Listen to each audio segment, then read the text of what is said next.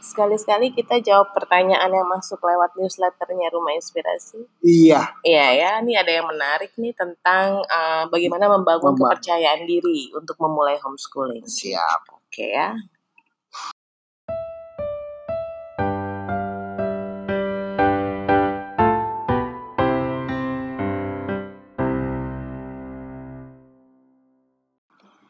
Ini ada pertanyaan menarik dari Mbak Putri, Pendengar podcast kita. pendengar podcast kita dan juga uh, apa namanya peserta newsletternya Newsletter. Rumah Inspirasi. Jadi buat teman-teman yang mungkin belum tahu, Rumah Inspirasi itu punya newsletter via WhatsApp. Jadi di mana uh, kita memberikan secara rutin materi-materi parenting, homeschooling gitu ya Hmm.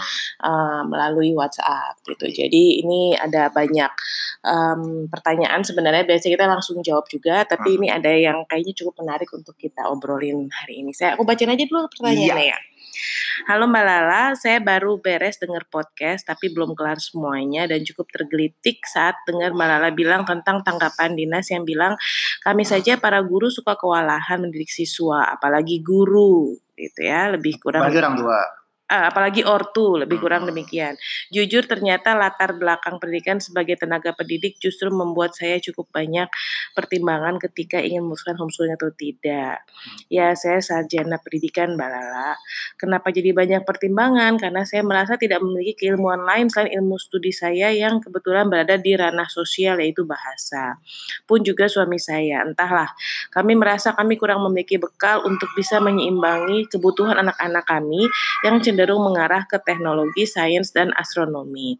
Oh ya, sebelum mendengar podcast Rumah Inspirasi, jujur juga saya suka nyeletuk atau bergumam sendiri ketika menyimak aktivitas homeschooling dari para praktisi yang memiliki latar belakang pendidikan di luar keguruan. Terutama mereka yang memiliki latar belakang pendidikan yang sifatnya kontemporer, long lasting, life skill, atau applicable. Entahlah, mungkin saya terkungkung dengan standar kurikulum dan tetek bengek standar administrasi yang saya peroleh saat kuliah, sehingga saya merasa tidak cukup percaya diri untuk memulai homeschooling, atau mungkin hanya sebatas ketidakpercayaan diri karena belum berani melangkah. Terlebih setelah me- melihat kembali ke dalam diri saya bahwa saya bukan tipe pembelajar yang ulet, saya memiliki prestasi akademis yang bisa dikatakan tidak ada. Sehingga saya merasa terlalu sombong untuk bisa memulai ini semua. Apakah Mbak Lada atau Mas Saar memiliki pandangan terhadap apa yang saya utarakan? Atau mungkin bisa dibahas di podcast umpama tema ini belum pernah dibahas. Yaitu tentang membangun kepercayaan diri dalam memulai homeschooling untuk anak-anak. Apa saja yang dibutuhkan selain keberanian? Karena menurut saya keberanian tanpa perhitungan sama saja bunuh diri. Atas perhatian dan tanggapannya. Saya harus berterima kasih. Wah. Eh, itu panjang. Panjang ya, panjang jelas. Oh, dari sini saja kan sebetulnya Udah kelihatan. kelihatan sekali beliau bisa mengutarakan sesuatu dengan sangat jelas, Terstruktur. terstruktur, Iya. informatif. Ibu, ibu ibu guru yang pintar. Iya. ibu guru Putri apa kabar?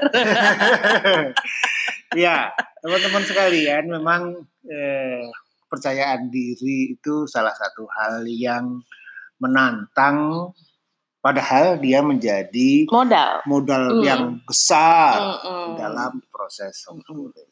Iya. Tapi juga yang lucu itu kan dilemanya begini.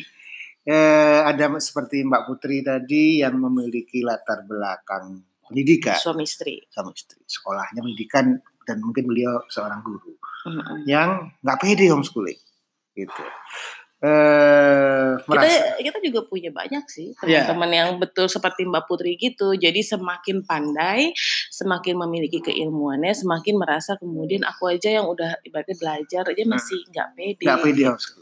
Dan juga sebaliknya orang tua orang tua yang pendidikannya biasa-biasa saja, Mm, Tidak S1. tidak S1 bahkan, kemudian eh, juga nggak pede juga Nggak gitu. pede juga. Aku biarkan biasa-biasa saja. Uh, uh, Aku nggak punya latar belakang pendidikan. Aku Iya. bukan seorang yang tahu psikologi anak dan sebagainya. kayak Lala. Terus gimana? Ya, semuanya kok nggak pede sih? Kita terlalu pede kan? Nggak nggak terlalu pede apa nggak mikir ya?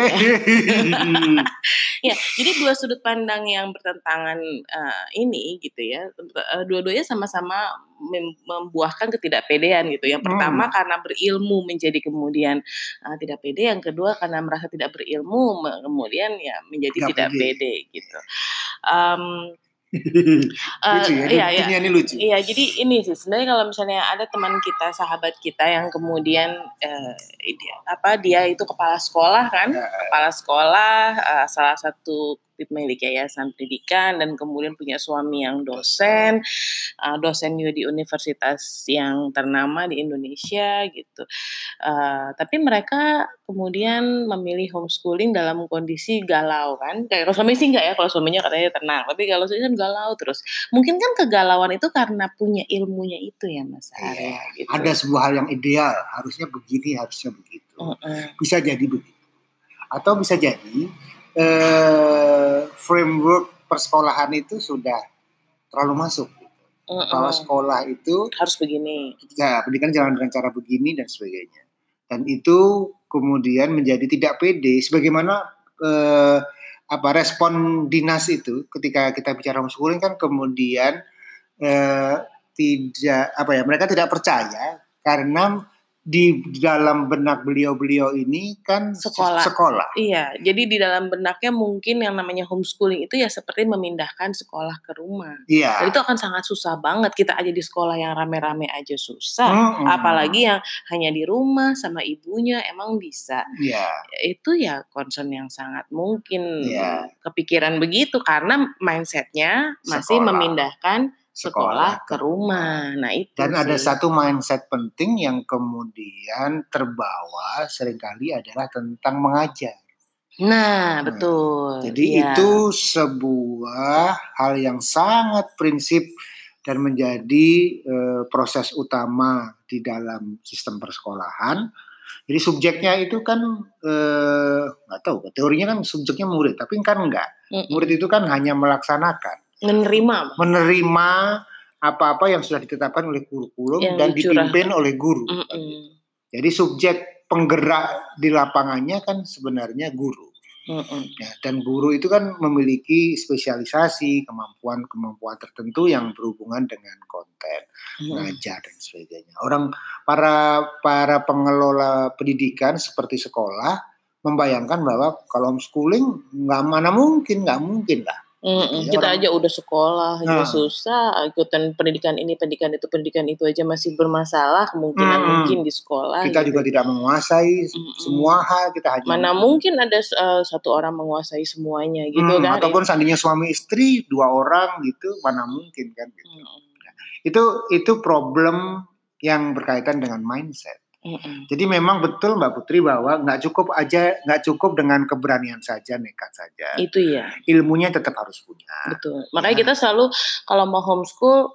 Pertama belajar. Terserah Sumbernya deh. dari mana? Iya, nggak harus dari rumah inspirasi hmm, gitu ya. Hmm. Kami itu cuma uh, orang tua yang kemudian berbagi gitu hmm. kan. Dan kemudian kita, kita bukan uh, satu-satunya sumber dan hmm. kemudian teman-teman juga harus mencari iya, sumber-sumber uh, yang lain, sudut, sudut pandang, pandang yang lain, sudut pandang yang lain. Dan Betul. Itu sangat hal yang Tapi sangat penting biasa. mencari tahu itu penting. Iya. Ma apa bisa menjawab concern yang teman-teman punya gitu ya itu penting. Kenapa belajar itu penting? Karena eh, kalau kita bicara homeschooling biasanya di kepala kita kan sudah ada presumption, sudah ada asumsi-asumsi tertentu bahwa oh seperti ini. Mm -mm.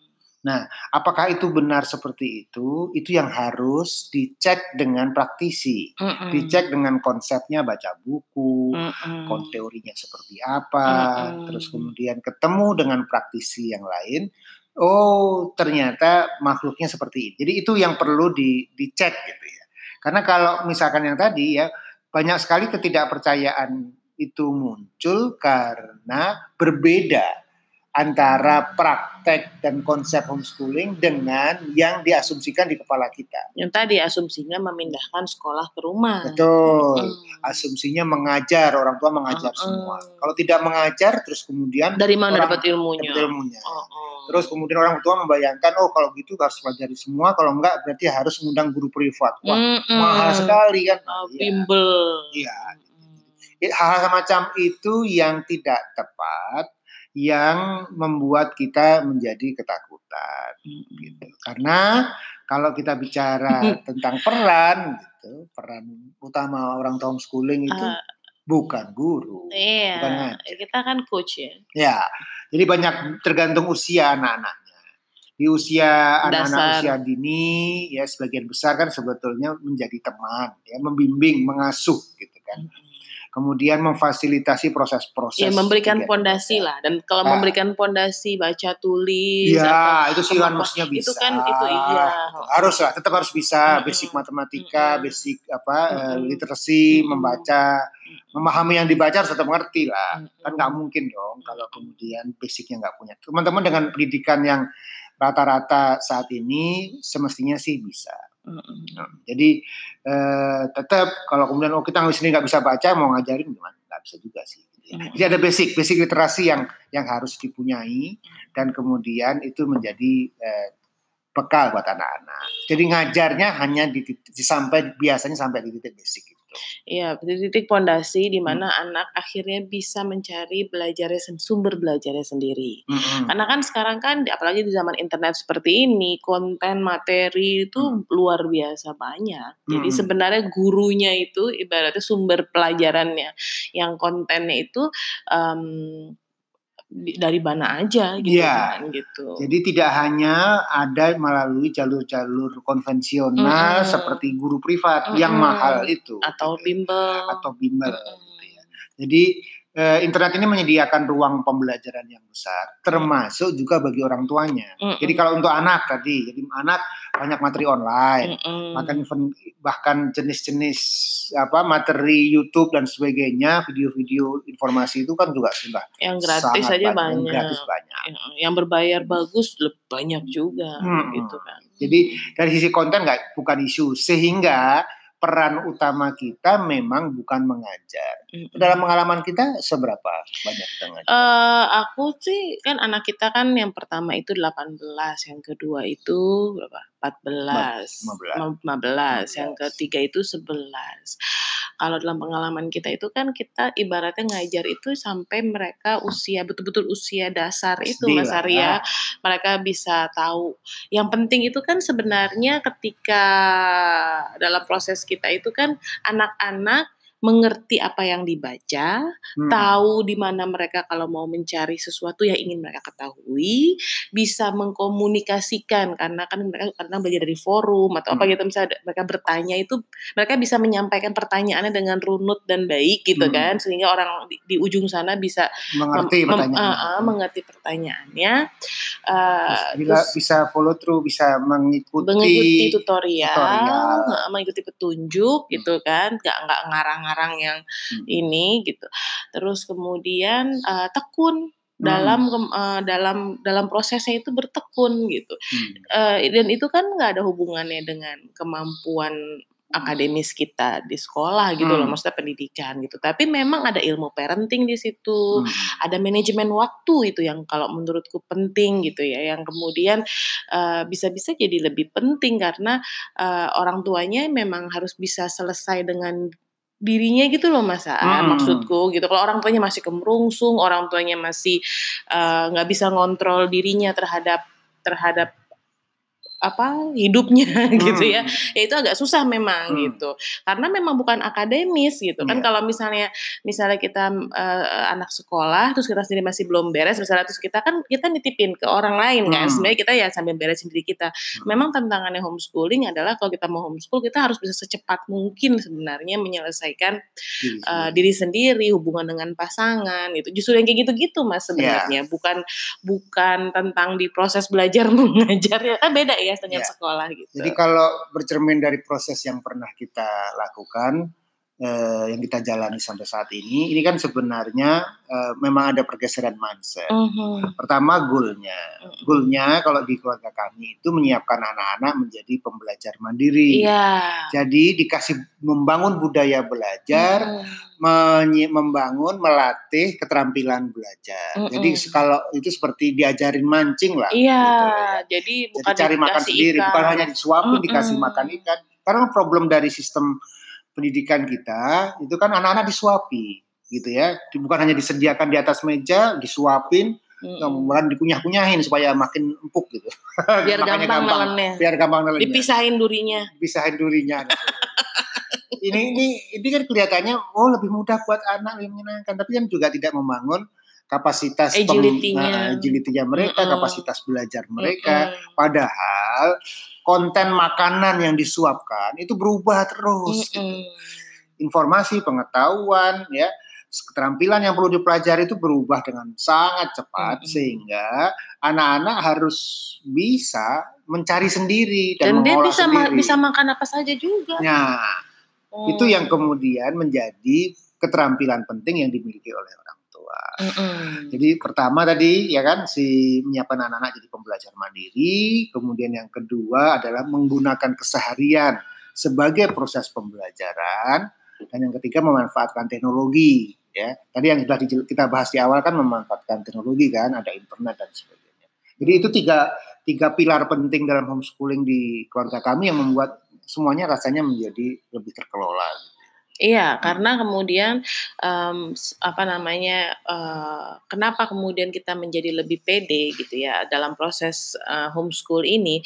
Mungkin karena di awal tuh kita sudah dapat ini mindset ini, Mas. Hmm. Aku sih terus terang eh, 18 tahun masa homeschooling ini aku sih pede aja. Ya. Eh ben- bener, bener. bukan dalam arti aku terlalu percaya diri dan kemudian eh, apa ya maksudnya eh, gimana ya bukan maksudnya merasa nyaman gitu loh Hmm. dalam proses ini gitu loh Eh, san- apa eh, bukan juga ngerasa pinter ngajar bukan juga ngerasa ini enggak tapi mungkin karena dapat mindsetnya Hmm, gitu loh iya. sehingga aku tuh tahu bahwa goalsnya itu bukan ngajar bahwa goalsnya itu bukan memasuk masukkan sebanyak banyaknya informasi ke anak sehingga Hmm. kalau aku pun tidak berinformasi tidak apa-apa jadi kalau ada hal yang aku nggak ketahui nggak apa-apa. Aku bilang misalnya bu ini apa aku nggak ngerti ya kita cari tahu bareng. Untung kan ada internet ada apa Hmm. Eh, waktu belum ada internet pun kan ada buku kita bisa Hmm. jalan ke mana gitu dan dan apa namanya aku merasa bahwa em, apa pada saat kita bilang sama anak kita juga nggak tahu dan kita kemudian sama-sama mencari tahu justru di situ proses belajar sehingga tidak ada ketakutan gitu loh Hmm. gitu jadi eh, ketakutanku bukan di titik itu untuk untuk untuk tentang homeschooling ini gitu ya. Ya. Gitu, gitu. Jadi si ya kunci pentingnya adalah orang tua pembelajar. Mhm. Ya, itu itu poin pentingnya. Jadi kita tidak tahu tidak apa-apa, Mm-mm. tapi kita mau belajar. Iya. Kita tahu tempat di mana belajar. kita mau menginvestasikan waktu ibaratnya untuk Hmm. menemani mereka gitu Hmm. itu yang yang lebih penting gitu Hmm. jadi kemudian hadir penuh Hmm. pada saat bersama mereka Hmm. membersamai mereka gitu ya kalau kita bisa hadir penuh Hmm. eh, bisa apa eh, memang memberikan waktu gitu ya Hmm. untuk bertumbuh bersama mereka Dan- itu iya. Dan dalam proses orang tua belajar itu tidak harus menunggu jago dulu. Tidak, Enggak. Dan memang- tidak belajarnya tidak harus melalui sekolah menjadi S1 Iya. psikologi atau apa pun iya. itu. Jadi itu itu yang yang penting. Jadi ilmunya memang berbeda. Jadi bukan bukan konten, bukan Mm-mm. subjek matters, tapi ilmunya tentang misalkan eh, fasi- menjadi fasilitator yang Iya. baik, ya menjadi coach, Mm-mm. ilmu komunikasi dengan anak, Mm-mm. memahami psikologi anak, hal Mm-mm. semacam itu yang bisa dipelajari dan belajarnya kan bisa dari mana saja. termasuk ilmu kesabaran Ilmu saya. ya, termasuk teman-teman yang mendengarkan podcast ini kan sebenarnya Anda sedang belajar. iya Dan Anda kan bisa cari podcast-podcast yang lain, follow orang Iya. lain dan sebagainya. Mm-mm. Oke. Iya, jadi pede aja lah. Iya, ilmunya dipelajari. Ilmunya Dipelajari. dipelajari, Heeh. tetapi ilmunya bukan ilmu tentang kontennya. Mm. Tidak berarti kemudian kita harus menguasai semua hal karena memang nggak akan mungkin. Jadi kesiapan kita menjadi pembelajar itulah modal yang paling besar.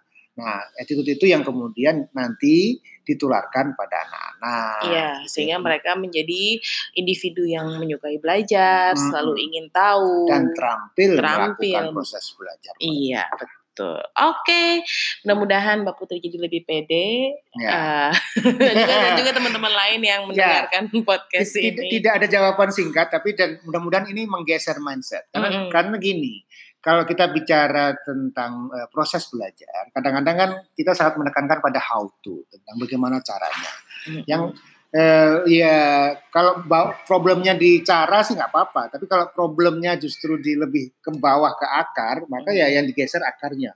Begitu sudut pandangnya bergeser, maka turunan-turunannya bisa menjadi lebih kelihatan. Iya, iya. Jadi kadang-kadang uh, faktanya di lapangan boleh sama, maksudnya masih sama-sama uh, bukan uh, bukan pandai mengajar misalnya gitu ya hmm. tapi begitu mindsetnya bergeser pasti beda hmm. gitu atau faktanya sama tetap guru tetap punya latar hmm. belakang pendidikan hmm. tapi begitu mindsetnya berubah maka tahu kalau di rumah itu kalau dalam proses homeschool tuh ber, memang berbeda memang memang makhluk yang berbeda sehingga uh, jangan takut kalau iya. kemudian yeah. tidak sama dengan sekolah karena memang ya. bukan sekolah. Jadi game plan-nya berbeda. Game plan-nya beda. Nah, itu yang kemudian justru kesempatan untuk menjadi percaya diri karena oke okay, ini ada ada mainan baru nih mm -hmm. ya. kita kita pelajari deh gimana cara mainnya iya oke okay. ya teman-teman sampai ketemu lagi ngob di ngobrol bareng rumah inspirasi uh, ya jangan lupa ya untuk daftar di newsletternya oh iya iya iya jangan lupa untuk daftar di newsletter via WhatsAppnya rumah inspirasi um, siapa tahu teman-teman kemudian bisa kemudian lebih nyaman lagi, lebih tenang karena kemudian oh temannya banyak. Hmm. Oke, okay, dah.